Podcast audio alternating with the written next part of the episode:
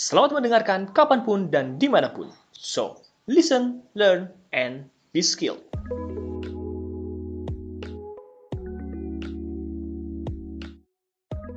Mbak Tania selain dikenal sebagai mompreneur dan pebisnis, Mbak Tania juga akan mempunyai ruang komunitas uh, gratis yang namanya ruang rakyat bersama suami. Uh, tentunya hal ini menjadi solusi untuk komunitas-komunitas untuk mengembangkan potensinya.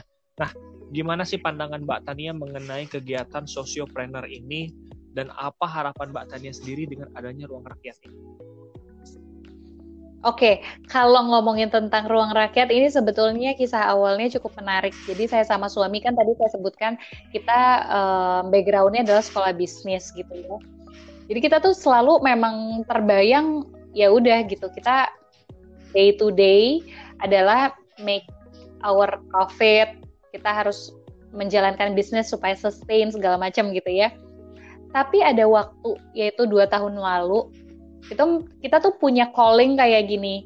Kok everything is about profit dan selalu semua tentang diri kita. Rasanya tuh kita kayak oh kayaknya kita harus punya bigger purpose dari sekedar uh, memikirkan diri sendiri itu awalnya. Jadi akhirnya kita kayak kayaknya tuh kita harus memiliki uh, mental yang bisa kita itu menjadi manfaat buat orang banyak gitu. Nggak cuma tentang diri kita sendiri. Dengan begitu kita akan menjadi lebih bahagia merasa lebih nyaman merasa lebih damai hatinya gitu ya. Nah akhirnya kita mulai tuh mikirin kayak apa ya yang kira-kira bisa ngasih manfaat gitu buat orang. Walaupun kita tahu kita juga mungkin nggak bisa yang sifatnya kayak tiba-tiba langsung bikin sesuatu besar yang wah luar biasa. Enggak lah. Kan karena kita juga mengukur juga kemampuan kita.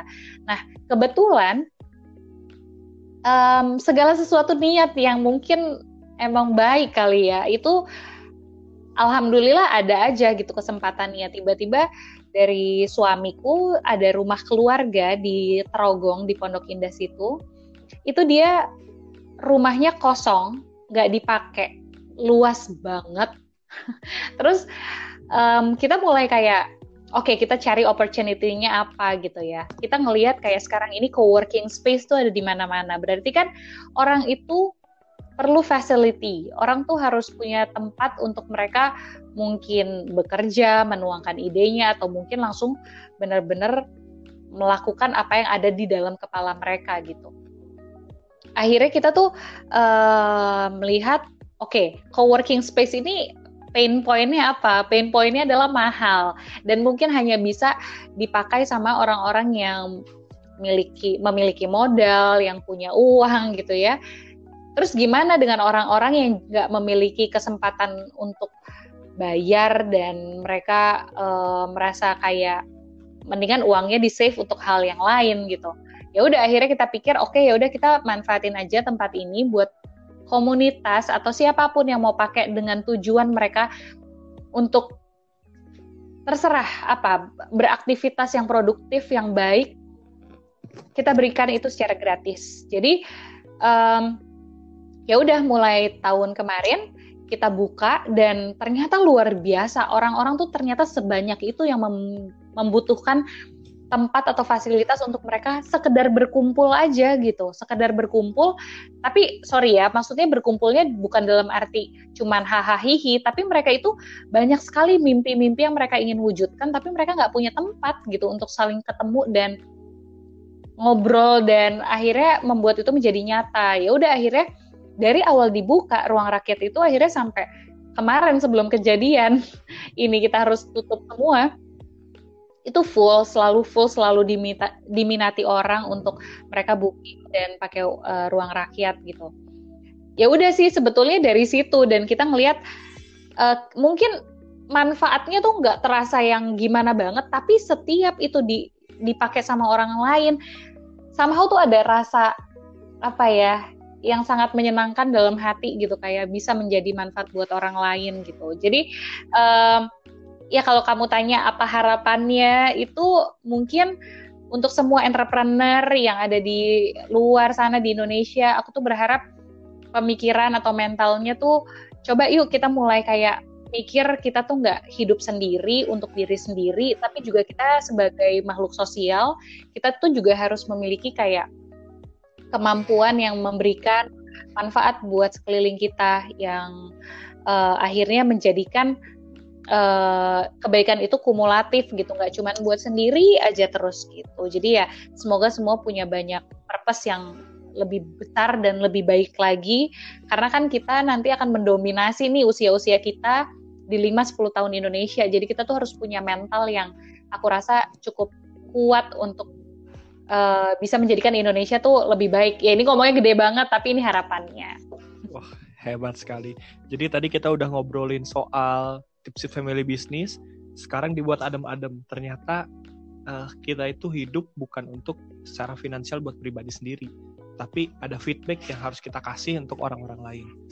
Saya tuh sebenarnya mau pernah juga datang lah ke ruang rakyat, terus saya juga awal dengar awal dengar kaget lah emang ada tempat ruangan kayak gini, tempat seluas ini, sebagus ini kasih gratis. Wah itu agak nggak nyangka sih gitu. Tapi setelah ngobrol-ngobrol-ngobrol-ngobrol, oh jadi ternyata ini tuh tujuannya ternyata bukan bukan untuk pribadi tapi emang untuk sosial gitu ya. iya dan lucunya Mas Koko itu waktu kita bikin itu lagi uh, pemilu. Terus banyak orang yang bilang ini Tania mau jadi apa sih? Mau mau daftar jadi calon apa gitu. Suaminya mau jadi apa? Terus kita kayak apaan sih? jadi lucu-lucuan aja tapi ya ya alhamdulillah kalau Mas Koko ternyata juga udah menjadi um, salah satu yang merasakan manfaat dari ruang rakyat. yeah. Jadi buat teman-teman mungkin kalau yang belum tahu, Ruang Rakyat itu ada di Caringin Barat, Jakarta Selatan, atau lebih tepatnya di Cil daerah Cilandak Barat ya. Mungkin kalau yang mau searching bisa cari aja di Google Ruang Rakyat pakai Q, Ruang Rakyat. Nah, itu dia namanya. Iya, mungkin uh, kan kamu agak kayak ini agak alay atau gimana ini kenapa pakai Q. Yeah. Jadi maksudnya itu sebetulnya Q-nya uh, dalam artian quality gitu. Jadi kita oh. pengen kayak oh. rakyat itu atau kita sebagai manusia itu uh, menjadi manusia yang berkualitas. Maksudnya gitu sekali penuh inspirasi penuh apa penuh makna sekali dari namanya aja ya.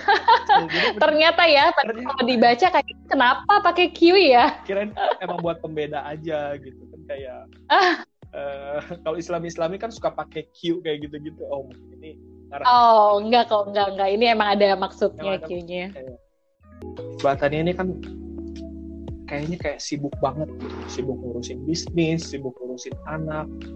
Terus kadang juga uh, suka lupa pasti suka lupa dong sama diri sendiri. Pasti butuh perhatian juga. Nah gimana nih caranya mbak Tania? Setelah tadi ngobrol-ngobrolin apa namanya? Bisnis keluarganya kayak gimana? Untuk menjadi sosiopreneur seperti apa? Nah ini gimana nih cara mbak Tania merecharge mbak Tania dengan melakukan biar tetap fresh biar tetap semangat gitu untuk menjalankan semuanya. Gimana nih? Iya, kalau dulu ya sebelum kejadian kita di rumah selama lima bulan terakhir ini, aku tuh selalu ngebayanginnya cuman pokoknya dalam satu hari aku kayak harus punya waktu at least untuk diri aku sendiri menyenangkan diri aku sendiri gitu ya. Nggak tahu kayak bigger picturesnya tuh tuh seperti apa. Cuman kayak ngerasa mau menyetir karena kan aku nggak punya supir aku selalu ngantar anak-anak uh, sendiri. Kemudian um, ke mana-mana juga beli groceries atau apa itu udah urusanku lah gitu ya. Jadi uh, ke kantor gitu. Jadi um, momen sendiri aku tuh memang aku manfaatkan pada waktu-waktu yang pendek itu gitu. Dan aku tuh nggak tahu sebetulnya ini tuh maksud dimaksud dengan me time tuh buat apa sih? Kayak cuman memiliki waktu sendiri dan that's it gitu terus apa gitu kan. Tapi ternyata dalam lima bulan terakhir ini aku tuh uh, kebetulan punya hobi olahraga. Salah satunya adalah lari setiap pagi. Ini sesuatu yang tadinya aku nggak tekuni tapi selama kejadian di rumah gini aku jadi nyari kegiatan. Salah satunya adalah lari pagi gitu. Aku jadi suka dengerin kayak banyak podcast. Di situ aku merasa banyak belajar dan akhirnya aku mengerti gitu. Salah satu podcast yang aku dengar itu adalah ternyata kita sebagai manusia itu dilahirkan udah ada nature-nya gitu. Kayak kita udah difitrahkan manusia ini mau ngapain sih, apa tujuannya, gitu ya. Apa yang membuat uh, diri kita itu merasa bahagia atau damai dengan sesuatu yang kita lakukan. Jadi kalau kita dalam diri kita ini udah tahu kita maunya apa dan kita menjalani hal itu di keseharian kita, itu pasti kita akan merasa ada kepuasan, kedamaian, kebahagiaan. Tapi pada saat sambil berjalan, manusia itu juga punya faktor yang namanya nurture atau bagaimana dia uh, dibentuk gitu ya. Dan kebanyakan itu terpengaruh sama faktor lingkungan, baik itu keluarga, teman, faktor sosial segala macam gitu. Nah, ketika apa yang menjadi nurture-nya kita dan uh, sorry nurture dan nature-nya itu konflik atau nggak sejalan, itu biasanya kita mulai tuh merasa kegelisahan, kita merasa kayak aduh capek, aduh nggak semangat, aduh kok hilang purpose segala macamnya gitu. Nah jadi yang aku mulai pelajari sekarang adalah oh ternyata waktu-waktu yang aku pakai untuk sendiri itu adalah untuk mencari apa nature-nya aku gitu, apa yang menjadi tujuan dari uh, adanya aku di sini gitu. Aku tuh sukanya apa, minatnya apa, bakatnya apa. Nah, itu terus nanti kita mencoba untuk ngebalancing antara si nature-nya sama nurture-nya supaya kita juga nggak konflik terus gitu, nggak yang capek terus pikiran kita. Salah satunya yang aku dapatkan selama lima bulan terakhir ini, aku tuh kayak lebih memahami kayak hidup tuh nggak usah ambisius-ambisius banget selama kita menjalankan apa yang menjadi kesukaan atau menjadi tujuan kita sebagai manusia. Waktu kita sendiri itu ya benar-benar untuk memahami atau untuk uh, relook lagi apa ya yang buat aku seneng, apa yang buat aku bahagia, dan apa yang aku jalanin sekarang, apakah sejalan dengan apa yang menjadi panggilan aku. Kalau mau ikutin kayak gimana sih cara cari tahu dapet tujuan diri sendiri tuh gimana, itu ternyata ada tesnya loh.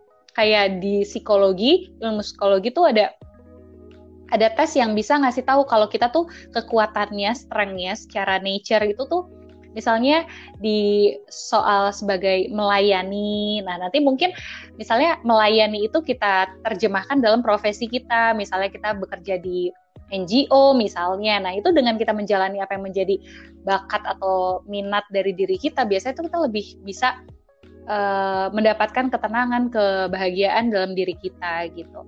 Nah, jadi uh, balik lagi apa yang akhirnya membuat aku merasa cukup bisa memiliki waktu me time aku adalah pada saat aku lari pagi misalnya itu aku bisa kayak memiliki momen untuk benar-benar menyadari apa yang aku lakukan ini sudah sesuai belum dengan apa yang aku suka. Terus pada saat aku juga punya kesukaan misalnya uh, saat ini aku udah hampir setahun ngejalanin makan real food gitu.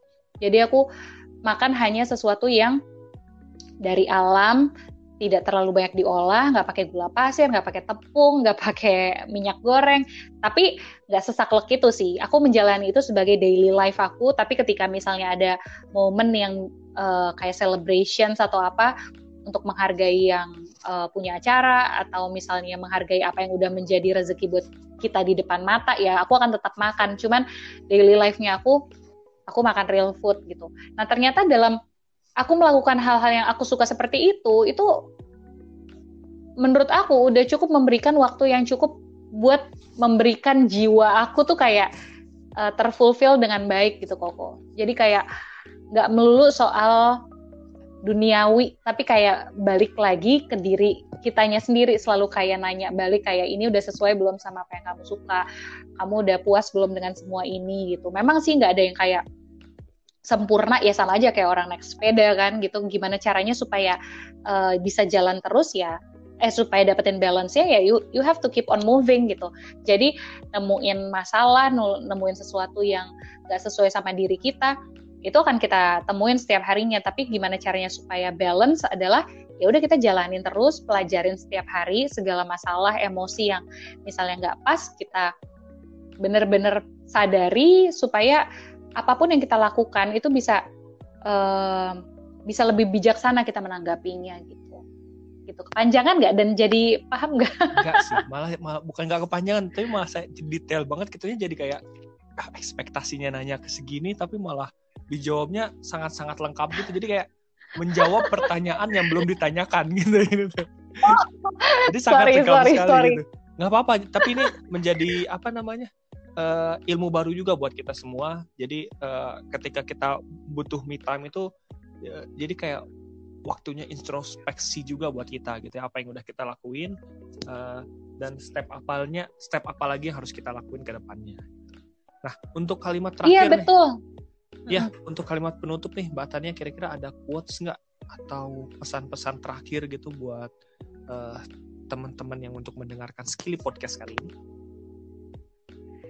Apa ya? Aku nggak tahu sih. Aku nggak punya kata-kata cantik. Yang pasti sih aku berharap semua tetap sehat ya. Ini ada agak template tapi sebetulnya itu benar-benar dari hati aku supaya semua ya. tetap sehat, jaga kesehatan, jangan sampai situasi kayak gini bikin kita merasa udah baik-baik aja karena belum kita belum baik-baik aja. Um, tapi di luar dari yang itu, mungkin yang tadi aku sampaikan kali ya. Jadi sekarang sih aku menjalani hidupku supaya gimana caranya supaya merasa ada aku mengganti kata kebahagiaan dengan kedamaian karena menurut aku um, kalau sekarang orang bilang aku pengen bahagia tapi rasanya kayak nggak mungkin juga. Setiap orang kan selalu bahagia tuh agak nggak mungkin. Pasti kan ada emosi-emosi lain yang kita rasain dan menurut aku semua emosi itu juga harus di dengan baik. Jadi gimana caranya supaya hatinya damai atau um, sejahtera jiwanya? Menurut aku sekarang semua um, coba relook lagi apa yang menjadi um, purpose atau tujuan kita ada di sini apakah sesuai dengan minat yang kita uh, sukai apakah itu membuat hati kita merasa tenang kalau misalnya itu semua tidak membuat kamu tenang, coba cari lagi.